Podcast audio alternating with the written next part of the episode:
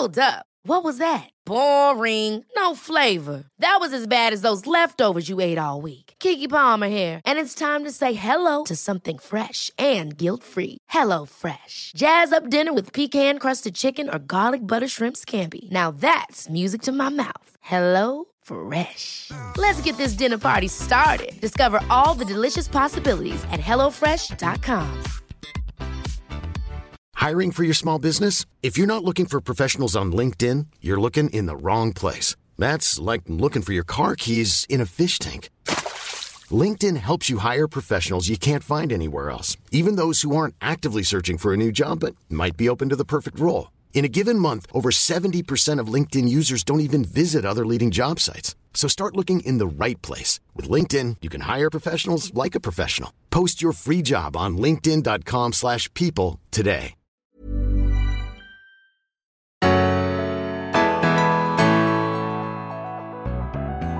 Välkomna till Berätta alltid det här. Jag heter Frida Boysen. Och jag heter Tilda Boysen. Mm. Och det här programmet det kommer handla om bipolaritet. Det vi tidigare kallade manodepressivitet. Och dagens gäst fick diagnosen när han var 24 år och han kallar den för upp och ner-sjukan. Ja, på TikTok och Instagram där får han hästar att prata. Han är till vardags tv-producent och regissör. Han har gett hela Sverige en symbol för att visa att man vet hur det är när livet är upp och ner. Att man har en accepterande inställning till psykisk ohälsa. Och nu, nu kommer också boken Upp och ner, en överlevnadshandbok för bipolär sjukdom och den, den är efterlängtad. Varmt välkommen till dagens gäst Henrik Wahlström. Tack! Vilken fin eh, presentation. ja, men, eh, tack, tack. Vi är så glada Henrik att du är här. Verkligen. Du är så himla viktig. Jag tycker det är jättekul att vara här också. Mm. Jag ska bara först berätta lite snabbt, hur, hur fasen hamnar vi här egentligen? Att, ja, ja, just det. vi träffades första gången i Malmö för någon månad sedan eller två. Mm. Ja. Och jag skulle egentligen vara där för att prata om ja, hur man lyckas på sociala medier som jag har skrivit en bok om för, för en massa år sedan. Det var influencer marketing-mässa. Ja, exakt. Och då står det den här killen i någon otroligt färgglad kostym framför mig på scenen och börjar prata om, om psykisk ohälsa och, och, din resa och om bipolaritet och allting du har gjort. Och jag, alltså mina tårar bara står och flödar bredvid scenen och så ska jag gå upp och hålla min grej där. Och alltså jag blir bara helt tyst liksom och säga jag skulle egentligen prata om sociala medier men jag vet ni, det, det blir inte det. och sen bara, och till slut blir det så att publiken får liksom applådera igång mig för att jag ska börja prata och det var så fint att känna deras värme. Och så tackar jag dig Henrik för att du, alltså du öppnade upp och då, jag var tvungen att prata om dig lite till om ja. vår resa, vår bok och sådär men det blev så himla fint och jag är så tacksam Henrik för vad du har gjort. Jag längtar verkligen över att du ska få berätta allt härligt för våra lyssnare. Ja men vad kul. Ja, det, var, det var ju jätteballt alltså. Mm. Eh, jag visste ju inte att du inte skulle prata om det där så jag tyckte det var, det var en proffsig, proffsig presentation om, om psykisk ohälsa och sociala medier. Men det, ja. var, lite, det var lite on the fly från Ja dig. men det var härligt. Mm. Jag älskar när det blir on the fly. Ja, så det, det, det, det, tror jag publiken tyckte var mycket roligare också. Det, ja, alltså ja. herregud vad är viktigare att prata om? Nej men precis. Mm. Eh, och det, det, blev väl lite så för mig också. Jag blev inbjuden för att prata om, eh, om sociala medier och hur man liksom klarar, eller hur man, hur man hittar folk där och får folk att stanna kvar och så vidare. Mm. Och det blev att jag sa att nej men det kan jag inte prata om. Jag tänker prata om det här. Ja. Och så sa de, ja men du är välkommen ändå. Och så. Ja men eller hur. Och, ja. ja. men det är ju då det blir viktigt på riktigt.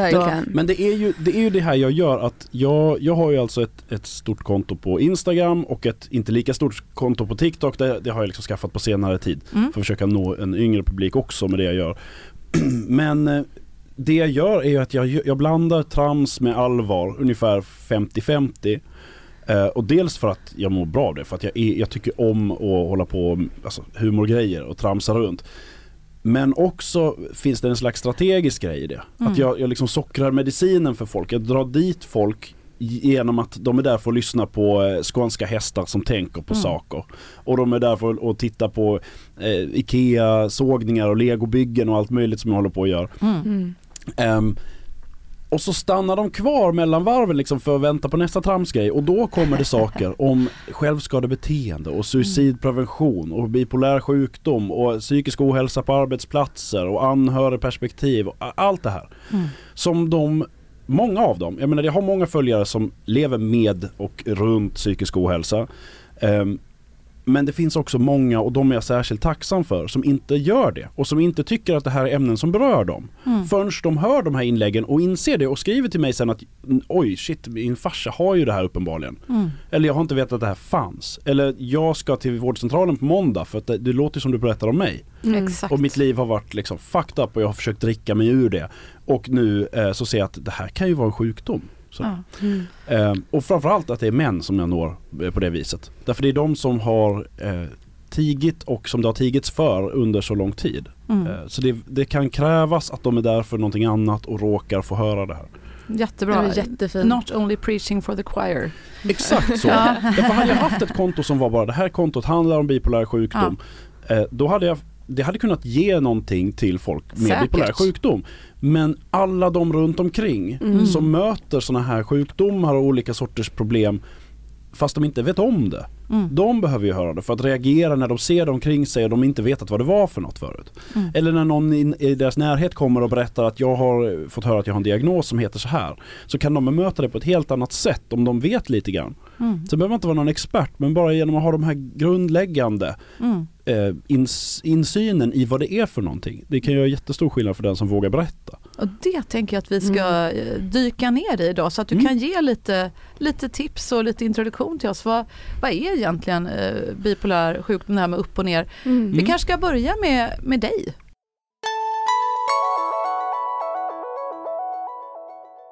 När började du märka att, att, eh, det var ju tidigt när du var, redan väl var barn, att du hade liksom mer känslor kanske som inte riktigt gick att styra eller hur märkte ja, du? Hur alltså, det var något? Det där, alltså när jag tänker tillbaka på min barndom eh, så är det, det är märkligt därför att jag var så omgiven av kärlek och trygghet och ändå så minns jag så otroligt mycket oro. Alltså, jag var orolig för precis allting och ängslig och rädd för allt som var nytt, allt som var okänt, nya platser, nya liksom, jag var rädd liksom för filmer och böcker som jag inte redan har läst. Barnkalas och cirkusar och teater och skolan och all, alltså allting var otäckt sådär. Mm. Um, och jag liksom sen, ja, men jag har ju gått i massor med terapi och sådär och inte hittat så att säga tillräckliga trauman för att förstå varför var allt det där kom ifrån. Men det bara mm. var som någon väldig otrygghet som låg liksom latent. Um, och min, jag, jag, fick se, när, när, jag höll på att jobba med den här boken så fick jag, eh, min mamma har skrivit dagbok i över 50 år och sparat allting. Mm. Så hon, hon, visade mig några utdrag ur dem och sa att det här kanske kan vara något för dig att, höra liksom. Mm. Eh, och då var det bland annat, från, ja, men dels om där hon beskrev en liksom regelrätt panikångestattack när jag var 12.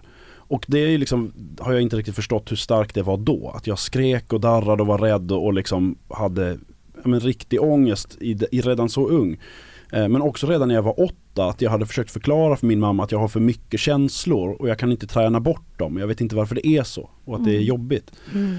Um, Minns du någon sån där tydlig första gång när du bara kände att det var fruktansvärt jobbigt? Nej men jag, alltså jag vet inte, det, det, det, är lite svårt för att jag hade ju inte ordet ångest då. Men det är uppenbart i efterhand att det var det det handlar om. Det som jag kallade för klumpen i magen som inte försvann. Eh, och det pratade jag om redan när jag var sex vet jag. Mm. Um, att jag hade en sån klump i magen och att, den, den liksom, att jag mådde illa och sådär. Mm. Och det mm. där det, jag vet inte, alltså jag menar, hade någon undersökt, gjort en utredning på den där sexåringen eller åttaåringen eller tolvåringen så hade mm. de inte hittat bipolär sjukdom.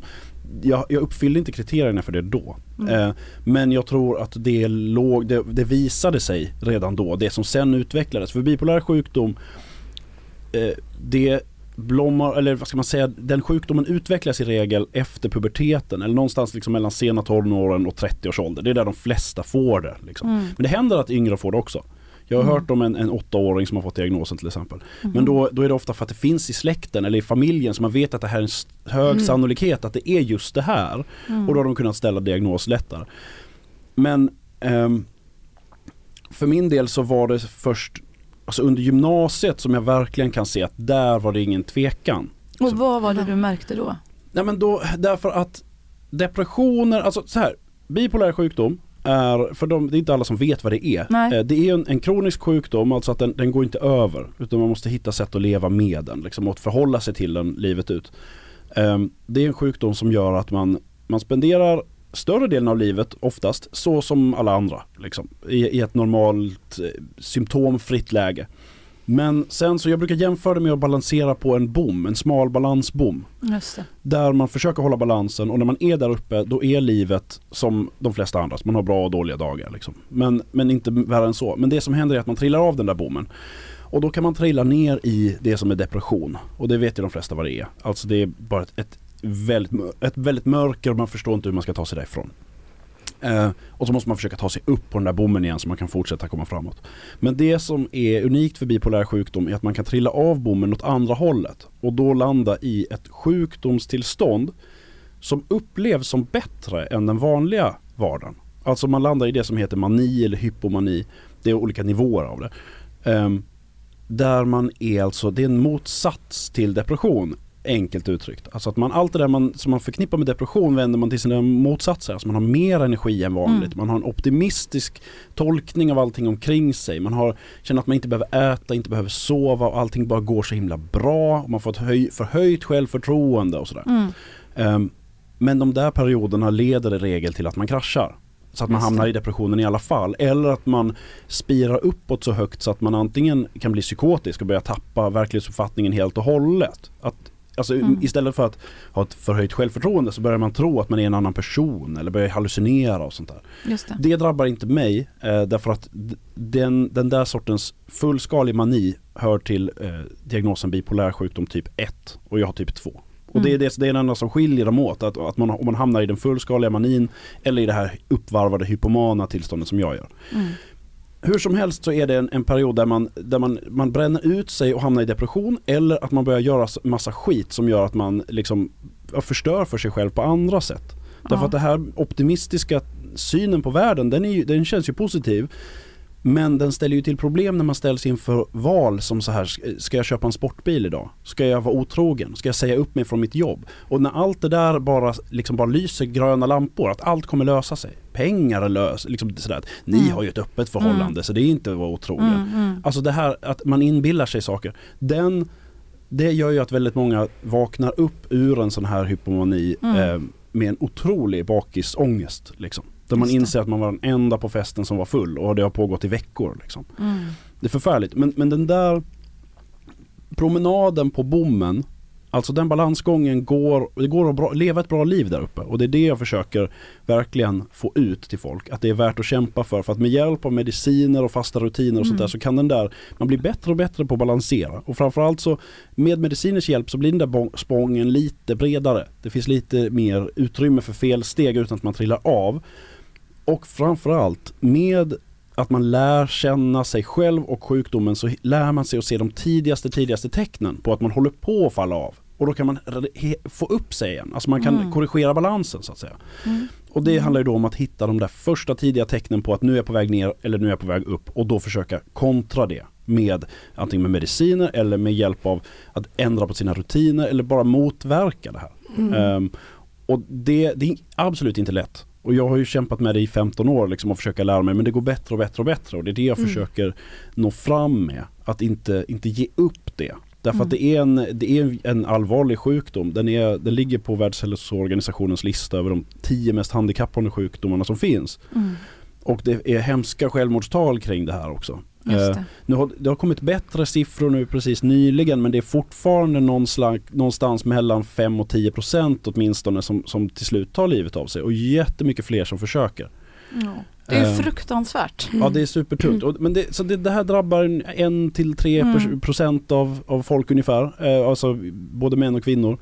Eh, men säg att det finns kanske 100 000 i Sverige som, som har det här så är det ju alla de här har ju ett nät av människor omkring sig som berörs av detta. Så det är väldigt många fler som, som också lever med bipolär sjukdom men utan att vara den som bär på sjukdomen mm. utan som behöver förhålla sig till den.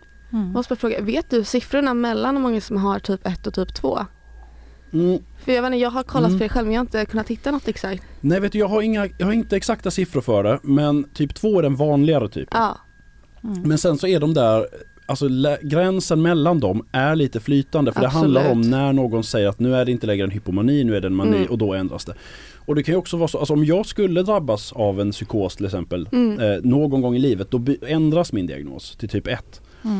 Um, och sen så finns det också väldigt många som har en diagnos som heter bipolär sjukdom UNS, alltså Mm. utan närmare specifikation. Och det betyder att man inte riktigt uppfyller kriterierna för något av de här ett eller två eller att det är liksom en slags arbetsdiagnos. Att man ser att Mm. du verkar ha bipolär sjukdom men vi vet inte riktigt vilken sort den. Nej. Så då kallar vi det för det här. Mm. Eller typ att man har tagit massa droger som gjorde att man blev manisk. Och man ser att det här är nog bipolär sjukdom som utlöstes av det här. Men vi vet inte riktigt än. Nej. För att om du är drogfri och inte får några fler skov, ja men då kanske det var, då kanske inte var det. Men då får man den här UNS-diagnosen. Mm. Men eh, jag har funderat mycket på det här med bipolär sjukdom. Eh, inte minst till för att du och jag har snuddat lite grann vid, vid de här tankarna så där, vad, vad, när, vi har, när vi har försökt eh, leta efter ditt mående och vad, vad är det som gör att du inte alltid mår bra. Mm. Och när vi har varit på BUP så har det också varit eh, så att läkarna där har sagt till oss att eh, ja men vi utreder inte för, för bipolär sjukdom här, eller hur? Nej exakt, det är väl, de har det som grundregel egentligen BUP och eh, att när det är barn under 18 så är det dels eh, jag menar emotionell, alltså personlighetsstörning är väldigt försiktiga med och just bipolär sjukdom för att det just är Bipolärt är ju kroniskt och det är inget man kommer undan från liksom. Och just att de ska vara väldigt noga med att inte det här med tonårstjafs liksom. Eh, så där är de ju väldigt hårda med allt det så det har ju varit lite lite Ja, och-. Lite Ja, kämpigt för samtidigt så Ja. läser man ju också och förstår och, och, och känner själv att, att det kan ju vara viktigt att få en, en diagnos för att man ska kunna få Mm. rätt hjälp och att det Gud, kan kännas ganska tufft att liksom inte ens få, få Mm. chansen att bli utredd ordentligt för att läkarna säger men vi, vi utreder inte så unga barn samtidigt som man läser att det är viktigt att tidigt få diagnos för Ja, att kunna få rätt hjälp. Vad tänker du kring det, där, Henrik? det, där, det, är jätte, det där är jätteknäppt för att det där varierar också i landet. Alltså det finns andra regioner som gör det. Mhm. Alltså APES eller då Mm. borderline, den här emotionell eh, Instabil, instabil personlighetsstörning. Mm. Den eh, sätts inte på folk under 18 år. Liksom. Det har, finns som en slags regel. Eh, bipolär sjukdom har inte den regeln men vissa väljer att Ja. inte utreda. Eh, och för att jag antar att det är som du säger att man ska inte så att säga, få någon slags stämpel som man sen inte blir av med, man inte Nej. får bort ur sin, ur sin eh, eh, journal. Men jag tror att det där skälper alltså. Därför Mm. att det finns ju undersökningar som kom för inte så länge sedan där de visade på en, en region någonstans i Sverige som jag inte har i huvudet nu där, det hade, där de hade satt diagnosen betydligt mer och Mm. inte minst på unga män. Och man såg att där, Mm. de, hade liksom, de klarade sig väldigt, väldigt mycket bättre Ja. för att de fick rätt hjälp. För det här är, är det, det, det är speciell sjukdom på det viset att den är så, den är så komplex och den är så, den är så märklig helt enkelt. Att det är jätteviktigt att skilja den från återkommande depressioner. Därför Mm. att det man ser att jag har haft liksom genom livet, ja men det är återkommande depressioner. Men med skillnaden att jag även går upp över nollläget. Alltså Mm. att jag, när jag kommer upp från en depression, att jag går upp i ett högre läge. Och de där små pucklarna, att man kommer upp över vad, hur man brukar vara, är mer liksom uppvarvad. Det visar att det är fråga om bipolär sjukdom. Och när det är det, då, då behövs en helt annan sorts behandling. Mm. Det, jag menar, då fungerar inte längre behandlingen mot depressioner. Det blir Nej. tvärtom jättefarligt. Därför att om du håller på att behandla någon med återkommande depressioner och då ger antidepressiv medicin som ska Mm. föra upp en till det här nollläget Mm. igen när man ligger på minus. Om man ger det till någon som har bipolär sjukdom så skickar man upp dem i taket istället. Ja. Det är jättemånga som hamnar i en mani när de tar eh, antidepressiv medicin. Mm. Så det är superviktigt för då, då ska det behandlas på ett annat sätt. Då ska det behandlas med stämningsstabiliserande medicin. Just Som det. alltså håller nere topparna och lyfter upp dalarna och liksom stabiliserar och minskar svängningarna där. Mm. Ehm, så det är jätteviktigt att få veta det. Och det är Mm. någonting som, som är viktigt att komma ihåg när man träffar till exempel om man har en bekant som har varit deprimerad. Som kommer tillbaka från det, alltså som, som är tillbaka uppe. Mm. Då är man ju så lycklig liksom att Ja. äntligen är hen tillbaka och vad härligt och vad, vad skönt för den personen och vad, vad all, alla gläds åt Mm. det här. Men då är det jätteviktigt att våga se om det är så att personen inte bara är sig själv igen utan en förhöjd version av sig själv. Mm. Alltså att du inte längre, du är inte bara Frida Nej. utan du är Frida med tre Red, Red Bull i kroppen liksom. Alltså att du, man, man har det här Mm. goet. Därför det, de där små pucklarna över nolllinjen, de kan visa att det är bipolär sjukdom det handlar om och då är det jätteviktigt att upptäcka det. Mm. Och det är så lätt att man vill skita i det för att nu är allting bra, nu vill vi inte tänka på sånt. Nej, precis. Men, men det, det där kan stjälpa Mm. istället. Mm. Därför att om du har de där pucklarna då, då ger det en mycket, mycket större återfallsrisk i nya depressioner.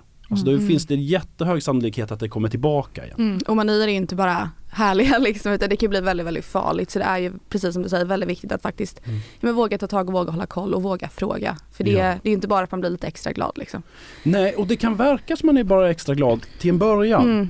Men det är, det är så knäppt med den här sjukdomen också att till exempel sömn fungerar så att säga motsatt mot hur det brukar vara. Alltså att, att man sover lite en natt, då är man tröttare nästa dag. Men med den här sjukdomen så är det ofta så att om man sover lite en natt då upplever man att man behöver mindre sömn nästa natt och ännu mindre sömn. Och ju, mindre man, ju mer sömndepraverad man blir desto mer går man upp i varv. Mm. Och upplever att man har en högre och högre energi och till slut kanske man inte sover alls. Nej. Och, samma och, sak om man sover vad, vad ska man göra då? För jag kommer ihåg för flera år sedan till där, mm. när du var inne i sådana där, ja, vad man nu ska kalla det, skov eller någonting. Eh, för första gången och du, mm. och du berättade liksom, jag, jag sover inte och jag är liksom bara helt, och du var helt eh, hyper. Mm. Eh, det är lite Dels blir man sådär lite, vad fasen gör man som anhörig? Eh, på, på BUP vill de inte utreda det här och de säger så här, nej men vi, vi avvaktar liksom. Vad, hur kan man hjälpa? Hur kan man... Jag har ingen aning.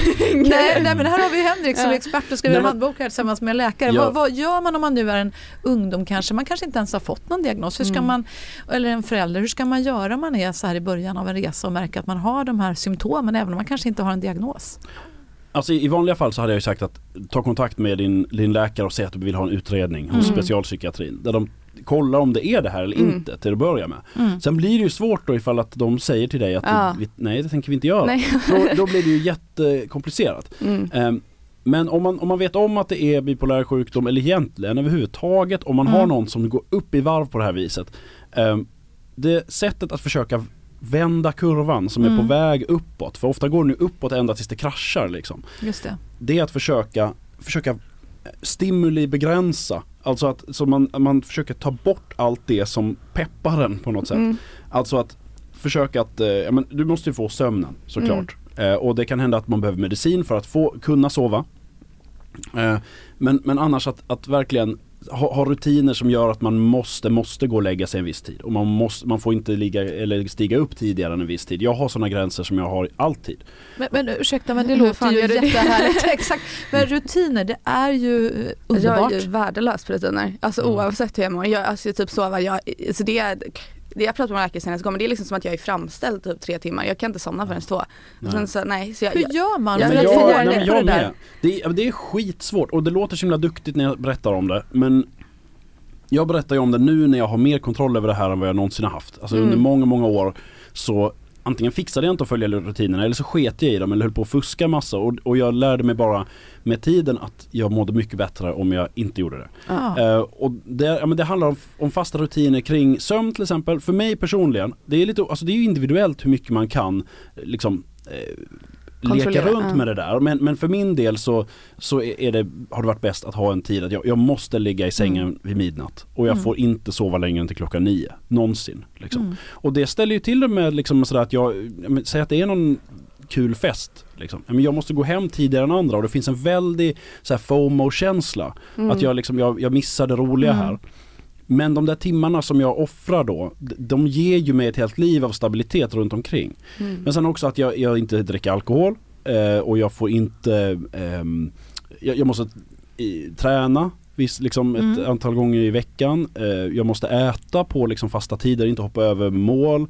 Eh, och sådär. Sen så är det jättesvårt att, alltså, att försöka somna när man är så uppe i varv. Det är nästan omöjligt. Alltså, det känns som att man ligger och ska försöka somna men man är i ett läge som att man var en sprinter i startblocken. Så här redo att jag, jag vill liksom ja, bara det, explodera. ja, det, det går liksom omöjligt. Ja. Men för min del så har det hjälpt och det har liksom egentligen varit en slump att det, den stämningsstabiliserande medicinen jag tar har en biverkning som gör att jag blir väldigt groggy och trött och liksom nästan yr. Och det gör att jag, när jag tar den klockan 10 på kvällen så mm. vet jag att jag kan inte vara vaken längre än till mm. midnatt för jag måste lägga mig ner och så somnar jag och så sover jag som en stock. Liksom. Mm. Så att det är, jag menar annars är det inte bra att ta liksom, sömnmediciner jämt. Nej. Men det här är bara en biverkning av en medicin jag har tagit i över 10 år. Så för mig hjälper den att hålla de rutinerna men annars, jag vet att det är jättesvårt. Men säg att man då är uppvarvad. Det handlar mycket om att, ja, men som jag sa, stimuli begränsa, alltså ta bort saker som annars eh, drar igång en. Alltså boka av saker, ställa in grejer, kolla i sin kalender. För ofta är det så att jag märker att oj nu är jag visst lite uppe i varv. Ofta att det är någon utifrån som säger att jäklar vad fort du pratar. Mm. Eller Ja, du pratar fort Ja, Henrik. men jag gör, jag gör Men det, det gör jag man gör det jämt. Det gör jag också. Men, men alltså om jag är mer uppe i varv då går det liksom ännu snabbare så här. Ja. Då går det lätt att hoppa mellan ämnen och plötsligt börja prata om banana split som jag ska beställa sen. Det är Ja. ju jättegott. Har ni provat Ja. det? Särskilt när det är jordgubbsglass till. Jag om man håller på, Ja, man tappar spår och sånt där. men det har du den- inte gjort idag. Nej, Det har du, jag inte gjort. Nej. Nej, Nej men, men alltså den, den, den grejen att, att man får veta av någon utifrån att nu är du nog uppe i varv. Eh, Jag kommer till det också att det är jättesvårt att få höra det och tro på det. Mm. Men när, om man lyckas tro på det, att okej de har nog rätt i det här. Då är det ofta så att jag kan kolla på min liksom, att göra-lista och inse att jag har liksom 15 parallella projekt nu. mm. Därför att allting, som, alla idéer som jag får som bara ploppar upp en efter en. Mm. Det finns ingen, ingen transportsträcka från idé till handling så jag bara direkt sätter igång. Just Liksom. det. Så att jag påbörjar grejer. Mm. Eh, och det kan vara smått och stort och liksom, eller om det är renovering eller snickeri Mm. eller eh, starta liksom, eh, göra ny musik eller börja Mm. oljemåla. Liksom. Det här Vad med som impu- helst. impulsiviteten, den Ja. försvinner. Eller alltså att någon, man har inga gränser riktigt utan det blir bara bjum, bjum, bjum. Ja. Ja. Och där gäller det då att kolla på, okej nu måste jag börja ställa in saker. Alltså ställa Det in. är svårt, Det är alltså. supersvårt och det är jättetråkigt. Och, men det är det som gäller för att liksom, ja, men man ska helt enkelt ha det så pass tråkigt så att man kommer ner i varv. Och det är, Ja. jätte, det är jättetråkigt. Jag- Jag måste bara säga också, du, du, jag vet att du både har sagt och jag har läst din bok också att du säger det här med, med bipolaritet, för det låter ju på ett sätt som en jäkla gåva också ibland, som en overdrive, att liksom tänk, liksom, det är säkert Mm. många som lyssnar på dig och Mm. tänker wow, tänk vad häftigt att ha så många, eh, alltså mycket energi och bara kunna Mm. komma på tusen grejer och bara starta dem. Jag, jag, det kanske andra som lyssnar som tänker så här, åh jag som bara aldrig kommer till skott med något och bara Ja. ligger där och jag vågar aldrig tänka en ny tanke. Vi är ju så olika. Mm. Men du säger att nej, det är ingen superkraft. Varför? Nej, det är ingen superkraft. Den, det finns så att säga, alltså jag, jag försöker ändå se eh, jag vill inte skönmåla den här sjukdomen alls, men jag är inte så rädd för att göra det heller därför att jag vet att jag försöker visa ändå positiva skärvor av Mm. det här annars eländet. Och för de finns. Jag vet om att jag hade inte haft mitt jobb som jag har idag om jag inte hade den här sjukdomen. Jag är övertygad om att väldigt mycket av de idéer som har lett till projekt och filmer och grejer som jag har jobbat med de har kommit ur liksom lätt uppvarvade perioder. För är Mm. de för uppvarvade då, då, då, då kan man inte göra något med dem. Då Nej. har man nästa idé i huvudet när man väl sätter fram de här målargrejerna så blir inget målat för jag är redan på gång och ska sy något. Alltså det, det blir liksom direkt. Ja. Det, det, det funkar inte. Men när det är lite uppvarvat då Mm. kan de här idéerna komma och det kan bli något av dem. Mm. Så jag, har liksom, jag är inte orolig för att glamorisera det här därför det är ingen som kan välja att ha Mm. den här sjukdomen ifall de skulle vilja och de allra, allra flesta skulle välja bort den om de fick chansen. Men det är ingen superkraft därför att den är helt eh, oförutsägbar och omöjlig att styra. Alltså den här över, den här hypomanin, alltså hypo, det låter som att det är hyper men hypo betyder under. Mm. Alltså det är en lägre form av mani än fullskalig vanlig mani så Mm. att säga. Mm. Eh, Den här hypomanin, den, den kan upplevas som en superkraft i det här att man inte känner sig hungrig, man känner sig inte trött, man har massa idéer och sånt. Men det går inte att styra när det här ska komma eller hur det ska sluta eller när det ska sluta. Mm. Så att det som händer är att eh, jag jämför det med att, alltså om vi skulle jämföra det här med en superkraft, att vi säger att vi är Spindelmannen typ. Mm. Då skulle bipolär sjukdom vara att ja, jag får förmågan att klättra i taket och hoppa mellan hustak. Men jag vet inte vilka veckor om året det Nej. kommer ske. Utan plötsligt har jag den förmågan. Och när jag väl hänger upp och ner i taket då försvinner den plötsligt. Och jag vet inte när och så slår jag ihjäl mig när jag ramlar ner. Mm. Alltså den Visst det är en superkraft men den går inte att förutse när den superkraften ska sätta in. Och därför är jag noga med att det är ingen superkraft. Mm. Den är liksom inte eh, Den gynnar inte mig mer än vad den skälper liksom. Ja. Jag hade inte valt det.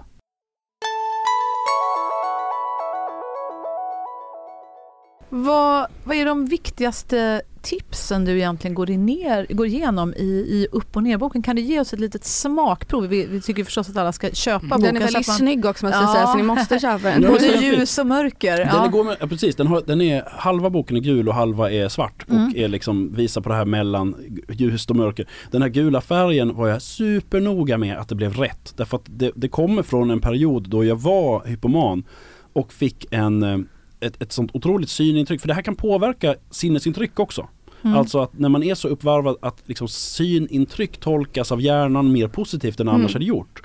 Och jag fick syn på en gul färg på en liten pin en gång och som gjorde att det liksom, det, pirra i hela kroppen. Att det var som en sån otroligt, liksom här, den här färgen får jag inte nog av. Mm. Eh, jag har fått höra sen att det är, en, det är den mest intensiva färgen som man kan skapa efter Ja. rent vitt. Liksom. Det, Det, är därför den används på varningsskyltar och sånt. Löpsedlar också. Jag som Löpsedlar. kommer från, eh, jag har jobbat som chefredaktör i massor av år. Det Om ni någonsin har undrat varför eh, löpsedlar är gula med just svarttext, precis som du har på den här Mm. boken, då är det för att det som, det som syns allra mest och det som sätter igång en mest. Precis, och det är därför som du har ser varningsskyltar eller Ja. eh, stäng när du ska hålla i Mm. på bussen. Saker som man bara direkt ser. Eh, men i alla fall, det, då kunde jag inte sluta, när jag hittar något i den där färgen så jag måste ha det. Liksom. Och jag satte, Ja. jag satte en gräns att säga, jag får inte köpa något för mer än 500 spänn för färgens skull. För jag kan inte köpa en motorcykel som är gul liksom. Men det där, alltså jag har, jag har bild, bildcollage på det där. Jag skaffade så mycket gula saker. Alltså jag, det var överallt i mitt hem fanns det här. Hela, Mm. hela plattläggningen på altanen var gul och möblerna var gula och vaser och tandborstar och pennskrin och askkoppar. I get the picture. Och när man öppnar den här underbara gula och svarta boken, Mm. vad är Ja. då liksom några av de absolut viktigaste tipsen skulle du säga? Mm.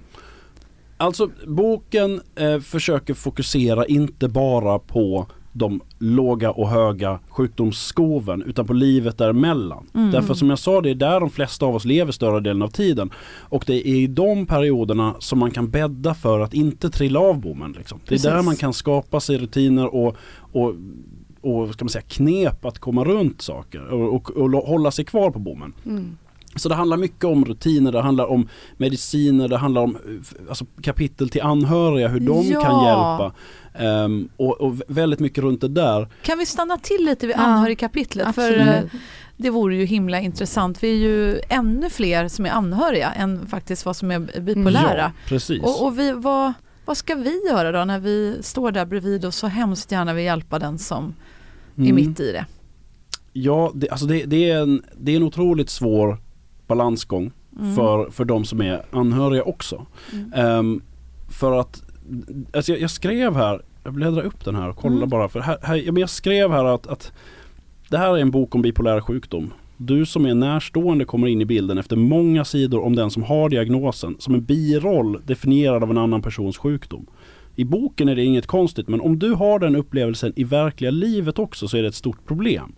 Mm. Många närstående upplever just att de spelar en biroll i sina egna liv där den som är sjuk alltid har huvudrollen. Mm. Och det där är ju ett jätte, jättesvårt liksom. Eh, och, och det här att den här balansgången som en närstående försöker klara av. Att man försöker visa omtanke utan att inkräkta. Att hjälpa utan att ta roll, rollen som vårdare.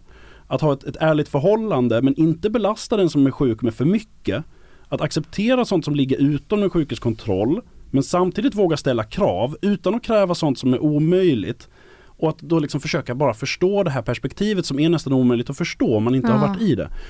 Det är jättetufft och det är, jag var väldigt noga med liksom att, att belysa det i boken att vi ser er också som kämpar med det här.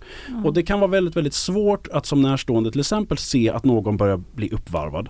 Ehm, och komma då till den personen och säga att jag tror att du är uppe i varv nu.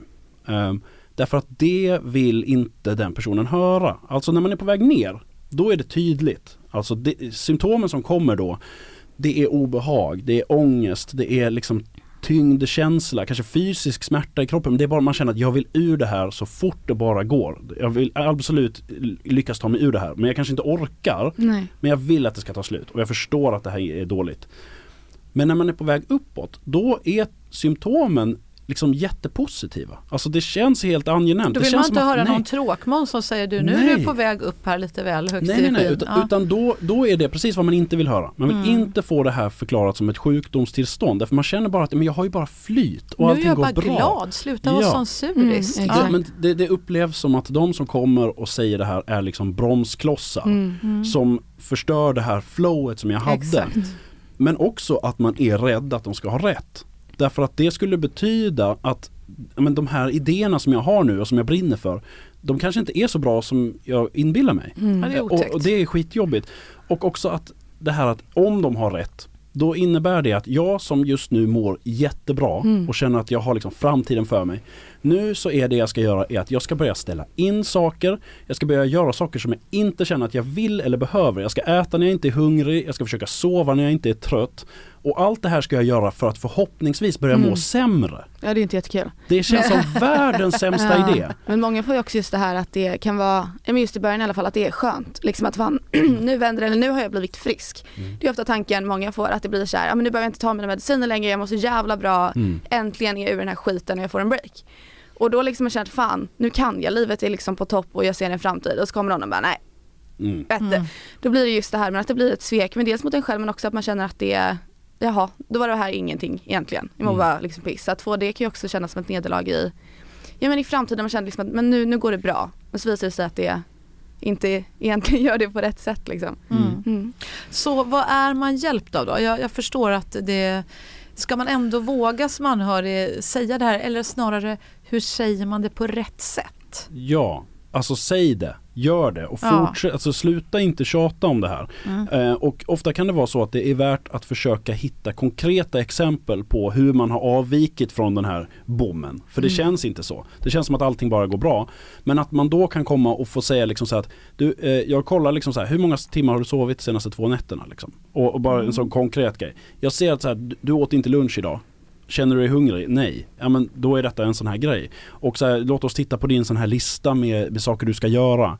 Mm. Eh, hur mycket pengar har du lagt på det här? Hur mycket tid har du lagt på det här intresset Mm. som egentligen som det inte är rimligt? Så det låter här som att man blir liksom nästan en meddetektiv. Mm. Jag tycker det brukar ju vara, alltid vara härligt. Eh, De, de bästa lärarna tycker jag är de som inte alltid säger allting Mm. utan som ställer frågor. Mm. För då, då blir man blir involverad, man får Mm. vara med, man är liksom, Mm. det, låter, det är roligare. Och det låter som att det är den här lite Sokrates-Platon-strategin du pratar om även här. Liksom, Ja, att, alltså, eh, om, om du lyckas få den som är eh, uppvarvad eller nere att själv inse det så ger det ju såklart allra Mm, mycket mest. roligare, man får Ja. upptäcka det själv. Men ibland så kan det krävas en slags liksom, intervention. Alltså det är ofta bra att flera liksom, Mm. går ihop så att säga och säger samma sak. Att vi upplever allihopa detta. Mm. Just Eh, det. Och att det här är inte bra för dig. Okej. Du, eller, eller om det har blivit ännu mer uppvarvat, Mm. att man säger att du håller på att förlora vänner nu. Liksom. Mm, Ifall det är någon det. som beter sig helt gränslöst. Eh, och det, det är Eh, jättetufft. En- Jag, jag, jag träffade för häromveckan, det var, det var ett arrangemang som Mindler anordnade som ju Mm. är huvudsponsor till oss Ja, de dessutom. om. Så de tycker om lite extra. Men de, då, då träffade jag en massa HR-chefer. Det var ett event som pratade om hur, hur vi ska få hållbara medarbetare. Och eh, hur man ska börja närma sig människor som inte mår bra, som är upp och ner eller ja, hur det nu är. Mm. Och då var det en HR-chef som delade och sa så här, jag tycker att ett bra sätt, kanske någon kan vara tips till er andra som är HR-chefer eller eh, bara kollegor där ute till någon som kanske inte mår toppen, så sa hon att ett sätt som jag brukar närma mig människor som jag misstänker inte mår riktigt bra psykiskt, det är att börja fråga det som du säger nu, hur sover du? Mm. Hur, Mm. hur har du sovit senaste natten? Och så, så här, om det är en människa som säger ja, nej, ja, nej, i natt sover jag nog ingenting egentligen. Eller ja, två, Mm. tre timmar. Ja, men hur brukar det vara? Har det varit så länge? Ja, det, då, det kan vara, det är liksom inte en så känslig fråga att ställa. Nej, ofta. det är bra. B- Folk blir inte så kränkta av att Nej, man ställer verkligen. frågan hur har du sovit i natt? Det är ju mest Mm. omtanke, trevligt och alla, vi vet att alla sover. Så det är liksom Ja. ingenting sånt där att ursäkta, du kanske har en psykisk sjukdom. Det är ju ganska, precis. ja, du vet. Ja, Men så det kan vara tips tänker jag. Vad tror ni om det? absolut. Absolut. Och en sak som jag säger ofta är det här att, att prata om det i lugna perioder när det inte är uppe eller nere. Alltså när man, är, Mm, när man är i balans. Och då vill vi inte prata om det för då är allting så bra, nu ska vi inte prata om det här tråkiga. Men att gör det i alla fall. Att sitt ner då ordentligt och så här, Mm. lägg tid på det. Att till exempel lista, skriv ner tydliga tidiga tecken hos den här personen. Därför att det, det, det varierar från person till person. Eh, Men sådana här saker som vi kan se att, ja, men nu, du, du har, eh, för mig till exempel upptäcker jag att eh, om jag upptäcker att jag sprungit upp för en trappa ut, fast jag inte hade bråttom så reagerar jag på det. Varför sprang jag nu? Jaha. Jag har sån spring i benen, jag har sån energi, sån spänst i kroppen som jag annars inte har. Som är så ja det, här, det här är en tydlig grej. Eller att en färg påverkar mig starkare än vad den brukar göra. Och jag ställer frågan till de som är omkring, jag kan göra det nu när jag är öppen med det. Så här, Mm. Upplever ni den här så intensivt blå? Mm. Som, alltså att den är nästan självlysande. Och oftast så är det så att ja den var jätteintensiv. Ja bra, då är allt som det ska. Mhm. Men om de säger att nej det är bara en helt vanlig blå färg. Då Mm. måste jag börja titta, okej är det något som har gått fel? Är jag på väg uppåt och sådär. Ja, eh, nu måste jag bara hoppa in igen här Henrik, för nu säger du någonting annat väldigt viktigt som jag vet att jag eh, läste som en rubrik i, i, i boken. Och det är ju det här med öppenhet. Ja, det är ju det jag verkligen Eh, slåss det, för. det slåss vi också för. Mm. Vi, Mm. Hela den här podden heter ju Berätta alltid det här. och, och det handlar ju inte bara förstås om, om bipolär sjukdom just, men, Nej, nej. men det är minst lika viktigt. Just bipolaritet tycker vi Mm. pratar ganska lite om. Mm. Det är inte så, eh, ja, men jag, jag borde ju känna, vad, vad säger vi, 1-3% av befolkningen. Alltså Mm. det var hundrade människa jag känner åtminstone. Du träffar dem. Du Ja, och jag tänker jag träffar dem, jag tänker jag känner ganska Mm. många människor. Men jag tänker, känn, var hundrade människa som jag känner, har den sagt till mig, du Fia, bara så du vet, jag har ju bipolär sjukdom. Nej. Nej, nej. Jag, jag, bor, jag känner förmodligen så många fler Mm. eh, som inte har sagt det till mig. Och Mm. ni får gärna säga det till mig. Alltså jag älskar Ja. er. Och vad händer när man vågar vara öppen med en diagnos som bipolär sjukdom? Alltså det hjälper ju både den som berättar och samhället i stort. Sen, sen är jag liksom noga med, jag valde att gå ut och berätta för alla på en och samma gång. Jag höll Just tyst i, i 12 år höll jag tyst om det. Och sen så gjorde jag ett inlägg på Instagram när jag insåg att det här, jag, jag måste våga detta. Jag har en skyldighet nu när jag plötsligt har en massa följare. Ehm, jag kan vara en megafon här liksom. Jag kan Mm. försöka visa upp en bild av den här sjukdomen som, som bryter mot de fördomar som finns och försöka Mm. motverka det här stigmat. Så jag tar det här språnget nu men jag visste inte hur det skulle landa. Men jag, jag i alla fall försökte. Eh, och sen, sen visade det sig att det gick bra.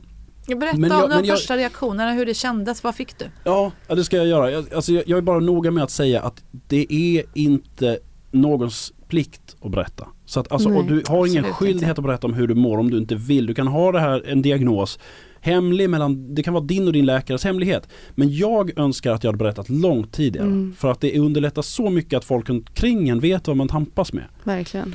Um, ja, men de första reaktionerna på det inlägget var, var väldigt positiva och den positiva responsen jag fick att folk accepterade det här det gjorde ju att jag direkt tänkte hur, hur tar jag det här vidare? Hur, vad gör jag Mm. mer? Och då började jag bland annat föreläsa om sjukdomen för att sprida eh, men, både öppenhet kring det och, och försöka motbevisa fördomar och sådär. Ehm, och tog initiativ till att skriva boken som skulle kunna hjälpa folk. Ehm, men också det här att jag insåg att varför har jag gått och och varit tyst i 12 år? När, Mm. vis, när det visade sig att det landade bra Jäklar vad mycket lättare det där decenniet hade varit om jag hade kunnat prata med folk. För det var bara de allra närmaste som visste om det. När jag, när jag gick ut med det här inlägget första januari 2021 då visste ju inte min chef och mina kollegor nej. och släktingar och sådär. Och det jag kom fram till ganska snart var att det, att jag inte berättade det är för att att berätta om en, en kronisk diagnos, någonting man har med sig ehm, det är en komma ut process. Alltså Mm. precis som om man vill, vill komma ut som homo, bi, trans, queer etc. Det är någonting som är väldigt personligt och som man vill att de som är nära en ska, ska kunna, just, du ska, ska känna hela mig och jag borde inte behöva skämmas för det här så nu vill jag berätta. Men man vet inte hur det ska tas emot förrän man har sagt de där orden. Mm. Det är först då man får se vilka fördomar någon bar på och då går det inte att ta tillbaka det om det landade Nej. fel. Men för de som kommer ut med det, då finns Pride-symbolen. Alltså. Pride-flaggan visar var din hemlighet kommer landa bra. Alltså den som har en Pride-mugga men det är förmodligen någon som, som ändå är på min sida i det här. Eller det här kaféet som är HBTQ-certifierat. Det är kanske Mm. där jag vågar ha mascaran på första gången jag går ut liksom. Och den, eh, det insåg jag att det är det som behövs. Det behövs en Pride-symbol för psykisk ohälsa. Så då, då skapar jag en sån. ehm, som är ett, ett, litet hjärta som jag kallade för upp och ner. Det är därför som boken fick namnet sen. Ehm, som är en, det är en liten smiley som, och den har funnits i många decennier. Den kallas för Schrödingers smiley för den kan vara både glad eller ledsen samtidigt beroende Mm. på vilket håll man ser på den. Mm. Alltså kolon, parentes, kolon. Och sen så eh, bad jag en fyraåring att rita ett hjärta runt som blev lite kantstött och sådär. Den Och så, gjorde ett bra jobb måste jag säga, den fyraåringen. eller hur? Ja, det blev väldigt bra. ja men det, var, det blev ju lite fel och det är helt rätt. Ja. Att den blev så darrig liksom. Verkligen. Och så, sa, så gick jag ut med en Instagram live och sa så här att det här kanske är skitnaivt och tror att man kan göra så här Mm. men vi måste försöka. Nu den här, den här symbolen den heter upp och ner och den betyder att den som bär symbolen har en öppen och accepterande inställning till psykisk ohälsa. Det är någon som du kan berätta för. Mm. Eh, och någon som vill veta hur du mår när de frågar hur mår du liksom. Eh, och så går all vinst till Mind Mm. eh, som driver självmordslinjen och äldrelinjen och sådär. Och det har fungerat otroligt bra och det är en, en sajt som heter uppochner.nu. Mm. Och där finns det allt väskor och kaffemuggar. Ja, Jag har på mig en snygg. pin Ja. här idag exempelvis. Du Ja. har på dig en jättefin tröja. En Ja. Jag blev lite, din tröja var snygg jag väl också. Ja, men så, Varje det, men det, så det finns, det finns skitmycket saker och de gör nytta i flera steg därför den hjälper den där som går och tiger som får syn på den och känner en trygghet att här finns det någon som, som tycker att jag är okej. Även om jag inte ens vågar berätta idag så ser jag att här finns det någon på mitt Mm. jobb som håller med mig. Eh, Men den gör ju också nytta, dels att den drar då in pengar till självmordslinjen och sådär Men också att den drar igång nya samtal i nya situationer Mm. därför någon kommer fråga vad betyder den där? Ja. Och då behöver inte du, du behöver inte ha en diagnos för att bära pinnen eller sådär men du blir att du börjar berätta om att ja, men jag tycker att folk ska kunna prata mer om det här. Mm. Och så plötsligt så snackas det på den arbetsplatsen kanske för första gången. ja, det är jättefint. Ja det är så himla bra att du gjorde det Ja. Henrik. Och det, jag har ju sett människor som har eh, tatuerat sig med den här och att det Ja, står... där, där, där har Eh, vi ja, en du också Jag- för den jag har delen. tatuerat ja, innan, men men jag- fler än dig. 125 stycken har jag Ja, in. det är helt otroligt. Ja, men det är så himla fint och det... Men jag tror det är extra viktigt också just att prata om bipolaritet för jag tror att många har en sån klar bild, eller inte klar men man har, många har en väldigt stark fördom om vad det är. Ja. Också att det är liksom helt, jag menar att människor som har det helt labila liksom alltid, att det går inte att lita på och det blir liksom upp och ner och det, en sån människa har man liksom ingen, de har ingen kontroll och det Nej. är bara för evigt kört. Men så är det ju inte, det, alltså det finns ju många sätt att jobba med det, det finns så, så många olika perspektiv av det också. Just Mm. eh, Ja men det här med att det finns olika, men det finns bipolär 1, det finns bipolär 2, det kan se ut på olika sätt och, men jag tror att många inte riktigt vet Ja men vet allt och vi har en väldigt stark bild om att det här är en människa man inte kan lita på eller det är Mm. kört. Men så är det ju verkligen inte. Och Henrik, vad, vad säger vi där då? För jag tänker, det, det här är ju helt fantastiskt det du har gjort, men de, de här fördomarna, om vi lyfter Mm. upp dem nu, Mm. för, för jag tänker om man nu är eh, ja, men, HR-chef exempelvis på ett stort eh, bolag och så eh, kanske man står mellan olika kandidater och så är det en person här som är öppen med att den, den har bipolär sjukdom. Mm. Ehm, vad tror vad, vad händer? Vad, är, är vi öppna? Är vi, eh, jag menar det skulle ju aldrig komma, hoppas jag, men så är det väl tyvärr i Sverige fortfarande idag kanske, men att man skulle diskriminera någon för att eh, någon är, är, är gay, det är ju liksom olagligt och fruktansvärt. Men hur är det? Hur bemöts man på, på arbetsplatser? Vad får du in för, för, för kommentarer och Mm. respons från alla människor som, som följer dig och lever med sjukdomen idag? Ja men det är, jag, får, jag möts av, av ganska lite fördomar mot mig personligen därför det, det sägs ju inte till mig utan kanske om mig. Mm. Eh, mellan folk som inte, de, de tar ju inte Mm. det till mig. Men jag Men tänker det också att du kanske får in från andra människor Gud, där ja, ute och sådär. Absolut, ja, men det finns folk som har liksom mött diskriminering på sina arbetsplatser och som har just mötts av en, en, en folk som har en helt felaktig bild av det här. Att man Mm. just är en enda berg och dalbana, att man aldrig finns, befinner sig på den där bommen. Utan det Nej. är bara en deprimerad eller manisk person. Och så är det ju inte alls. Det är tre lägen i det här. Mm. Glöm Och- inte bommen alla Nej, ni som inte att- vet vad nej. bipolaritet är. Det, Precis, det mesta det är, läget. bommen. Det mesta är där, för de flesta. När, för de Mm. flesta och efter en tid när man liksom har fått till medicineringen och rutinerna och allt det där, Mm. då brukar det vara bra liksom. Mm. Sen så kan det liksom vara stormigt men det är inte värre än, alltså jag menar det, det kan innebära att ja, men personen kanske behöver lite mer anpassningar på sånt sätt att man till exempel inte behöver jobba natt. Eller inte Mm. behöver liksom ta jourskift liksom. Eller att man men i, i vissa perioder behöver en lägre arbetsbelastning än annars till exempel. Mm. Men jag menar så kan det vara med vilken fysisk sjukdom som helst också. Det är Eller inte hur? konstigt. Ehm, men den här, alla de här felaktiga bilderna, det var ju det också som gjorde att jag ville gå ut och säga, för att jag har levt hela livet med en, en ett mantra att ingen får, ta, ingen får få reda- på att, det här, eh, att jag har det här. Därför att då Mm. kommer det sätta som en stämpel på mig som, jag, som kommer sitta synligt i Mm. pannan på mig. Jag kommer aldrig bli av med den. Jag kommer associeras med min sjukdom och så vidare. Ironiskt nu att du då har tatuerat in den på dig. Ja, inte i pannan i alla fall. Nej, men, men det var det som Ja. jag insåg att nu skiter jag i det. Ja. Jag går ut istället och räcker upp handen och säger att hej, så här, jag har den här stämpeln, så här kan den se Mm. ut. Och det behöver inte vara värre än så. Nej. Och då när folk som har följt mig i flera år som, som liksom säger att ja men aha, okej det kan vara så här den här sjukdomen.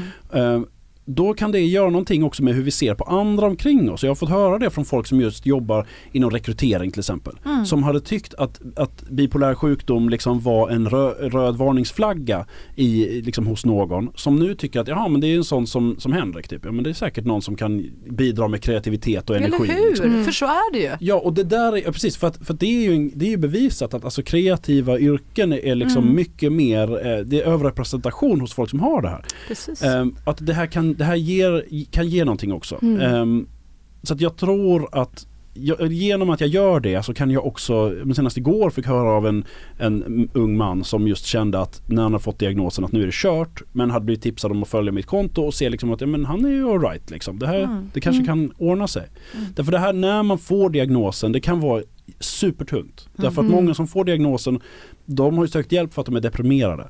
Allting Mhm. känns nattsvart. Mm. Och de räknar med att få veta att de är deprimerade och ska få en medicin, en antidepressiv och så blir Mm. de bra. Och att då få veta att det här kommer inte gå över utan det här kommer Mm. fortsätta.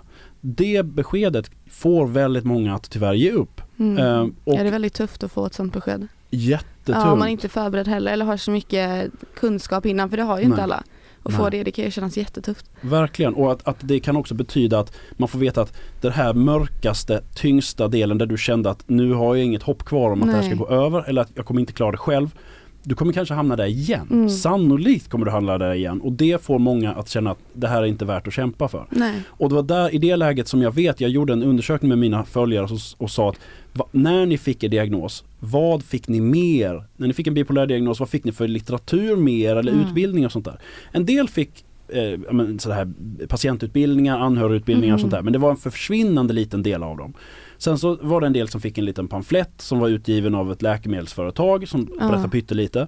Men de flesta fick bara höra kolla på 1177 eller googla dig fram Ja. typ. Och sen släpps ut ur det här sjukhuset med den här jättebördan. Att nu Mm. ska jag leva mitt liv med den här sjukdomen. Och där är det är en helt livsfarlig situation. Verkligen. Fram till att man lär sig att leva med det. Och det kan ju, det kan ju ta jättelång tid. Mm. Och det är den, i, den, i den perioden som väldigt många, i- som många inte överlever. Och det var Nej. därför som jag sa att det måste finnas en handbok då. Det Att få i jättebra. handen liksom direkt där.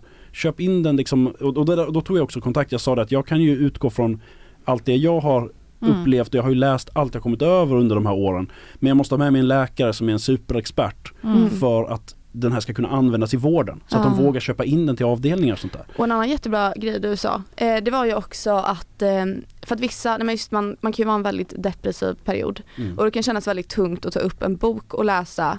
Men då har du en grej man kan göra också, man känner att det är lite tungt att läsa Ja. en hel bok just nu. Ja men precis, för det, det, det är ju det. Vi var rädda för, och den var mycket längre, vi har kortat och kortat och kortat Ja. för att den inte ska kännas som en tegelsten. Nej. Därför det gör att man inte ens or- orkar öppna den. Nej, man måste verkligen. komma ihåg att den här boken är mycket, mycket tyngre när man är Mm. deprimerad.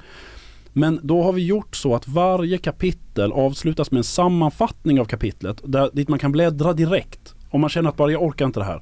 Då, då kan man bläddra och ta sammanfattningen, bara korta Mm. punkter.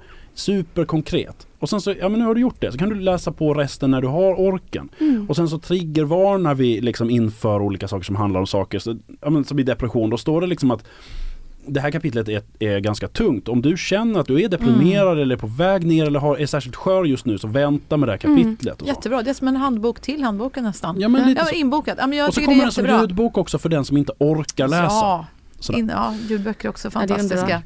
Jag sprang på en människa nu på vägen hit som bara stod, apropå hur man kan bli bemött när man vågar berätta. Jag tänker, Ja. du Tilda och jag, det kan ju också vara lurigt när man är anhörig tänker jag ibland till en person som har en, en sjukdom. Att Mm. Det är inte så lätt att berätta för andra för man vill ju inte berätta någonting som egentligen inte är ens egen sjukdom. Mm. Mm. Men då var det en kvinna som stod här borta vid övergångsstället. Hon bara höll ut armarna så här när vi kom och sa jag har er i öronen just nu, jag vill bara Nej, ge vad er en kram. Ja, all kärlek till dig. Men Vad apropå, apropå vilken fin eh, kärlek man ofta får när man Mm. vågar göra som du har gjort eh, också Henrik och inspirerar så många. Det är helt fantastiskt. Tänk vad du Verkligen. gör. Det är toppen. Men jag, jag, jag vet ju också, jag är medveten om att det här språnget som jag tog, Mm. jag var livrädd när jag gjorde det. Alltså när jag Mm. berättade ut. Jag Vad visste var inte du rädd skulle vara. för? Ja men alla, jag kunde ju liksom bli av med mitt jobb på det här. Jag kunde Mm. liksom, min karriär kan ju vara sjuk, skjuten i Och sank. vad Eller sa, din, eh, vad sa din eh, arbetsgivare att då? det är klart jag fattar att du har en diagnos. Jag visste inte bara vad den hette. Alltså sådär, att men jag, de har ju anställt mig för Ja. att min hjärna fungerar på Ja. ett visst vis. Mm. Och det här var liksom bara, men det är klart, det här är inget konstigt. Det är jättebra. Jag köpte genast en upp och ner tröja liksom. Åh, Alltså, hur, hur var känslan superbra. i ditt hjärta då? Ja, så, alltså en otrolig lättnad. För att jag Ja. visste inte hur det skulle bli. Och det finns ju också det här att ju längre tid man har hållit tyst desto Mm. Konstigare och det är lite som att ha missat vad någon heter. Att ju längre tid du väntar med att fråga vad var det du Ja, hette, det. ju svår, desto svårare blir det. Ja. Och det här blir ju då när man har, har nära vänner som man ändå Ja. betraktar som några man tror på och litar på. Att då komma med ett sånt här besked Mm. när man har hållit tyst länge. Då blir det som att, men vad, vad var då vår vänskap värd innan? Om du inte Ja. tyckte att du kunde lita på mig med det här. Ja. Så det fanns så mycket sånt här som var, som var svårt. Men jag vet ju också att det språnget det var lättare för mig att ta än för många andra. Mm. Därför jag lever ändå i en, eh, men i en, i en eh, kreativ bransch där det ändå finns närhet till känslor och jag lever Mm. inte i en utpräglad machokultur. Alltså om jag hade bott på en, säg på en ort där den här machokulturen är ännu mer framträdande. Att en Mm. man är liksom ensam är stark och bit ihop och du ska inte Mm. ha så mycket känslor och du ska liksom, du är arg, kåt eller Mm, hungrig. mm, det, alltså mm. det är inga fler Nej, känslor. nej. Och den där, den grejen Eller om jag hade levt i en eh, sammanhang där religionen säger att det här är en synd. Mm. Eh, att det här är ett straff mot mig för det jag har gjort, att jag har drabbats av det här. Och jag får ju höra mycket, jag får meddelanden från folk som lever både med liksom, en som levde i en, en eh, frikyrklig kontext och en annan som var muslim och där de- deras föräldrar just bara sa att du, Mm. du kan be dig fri från det här. Ja. Liksom. Eh, och det här, Good luck. Ja, och det språnget att våga berätta är tuffare för en del. Och jag, Ja. lit, jag räknar inte alls med att folk bara, jag säger inte bara gör det. Nej. Men jag säger att om du vågar så kan du nog vinna jättemycket på att Mm. våga. Du Henrik, tiden går fort när man har roligt. Vi eh, älskar att ha dig som Ja, gäst. vi verkligen. älskar allt du gör. Eh, vi verkligen rekommenderar alla som lyssnar att in och, in och lyssna på boken Upp och ner. Den kommer ju som ljudbok lite senare. Eller förstås läs den.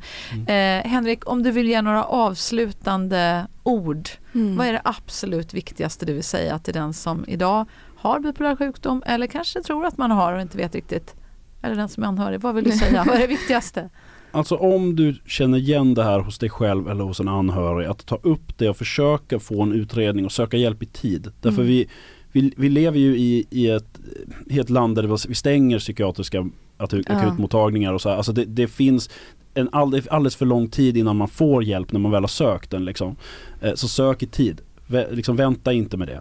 Även om det inte är bipolär sjukdom, om du mår dåligt och känner att du kanske hade behövt hjälp, sök den genast. Mm. Eh, och våga påpeka om du ser det här, känner igen det här hos någon. Och ibland så kan jag tipsa, alltså säga, det, det är folk som hör av sig och säger jag tycker jag känner igen det här så väl hos min kompis. Men jag vet inte alls hur jag ska ta upp det för att han har liksom aldrig sett det själv. Jag brukar säga liksom så att men tipsa dem om att följa mitt konto Henrik Wahlström på Instagram och säg att det är för att det är kul hästar som tänker på saker. Ja, det är bra. Och sen, det kan vara ja. Skyll på något sånt Ja. och sen så kanske det här andra sipprar in lite. Och jag fick tillbaka det, jag gav det tipset till någon och sen typ ett år senare så var det så Ja. bara, nu har han sökt hjälp för att han kände igen sig själv i det här. Gud vad härligt. Hur kändes det för dig? Det är skithäftigt. Ja, Det är ju super ja alltså. verkligen. Ja, ja Underbart. hä- hästar som pratar skånska kan ju faktiskt Men, göra men under. alltså, nummer ett, det går, det, kom, det, det blir oftast bättre Mm. med tiden. Du Mm. kan lära dig att leva med det här. Det är liksom Mm. inte kört hur mörkt det än känns när man är där nere. Det, det Mm. går upp igen. Mm. Det gör det. Mm. Fina tankar från dig Henrik Wahlström. Upp och ner eh, och eh, ja Tilda, berätta allt det här säger vi. Ja, absolut. någonting du vill tillägga innan vi stänger lådan för idag? Nej, men jag tycker du sa det så bra så att jag jag vet inte om jag kan säga så mycket mer. Du som lyssnar, dela gärna det här avsnittet vidare. Sprid Henriks eh, visdomar ut Mm. till folket. Tack snälla du för att du har lyssnat. Eh, ta hand om dig. Hej då! Hej då!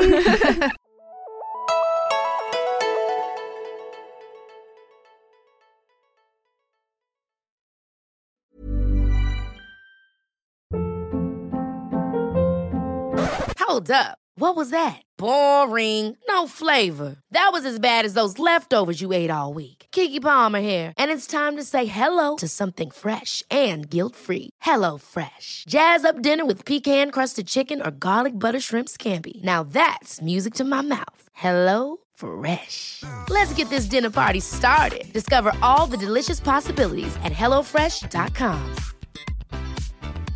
Want to get a chiseled look in the jawline? Sculpt and shape your jawline with added volume from Juvederm Volux XC. Juvederm Volux XC is an injectable gel specifically designed to be robust enough to improve moderate to severe loss of jawline definition. And it is the first and only hyaluronic acid filler approved for the jawline. Add volume to your jawline for a chiseled look with Juvederm Volux XC. For important safety information and to find a licensed specialist, visit juvederm.com. That's J U V E D E R M.com. Not for people with severe allergic reactions, allergies to lidocaine, or the proteins used in Juvederm. Common side effects include injection site redness, swelling, pain, tenderness, firmness, lumps, bumps, bruising, discoloration, or itching. There's a risk of unintentional injection into a blood vessel, which can cause vision abnormalities, blindness, stroke, temporary scabs, or scarring. Talk to a licensed specialist to find out if it's right for you. Visit juvederm.com. That's J U V E D E R M.com.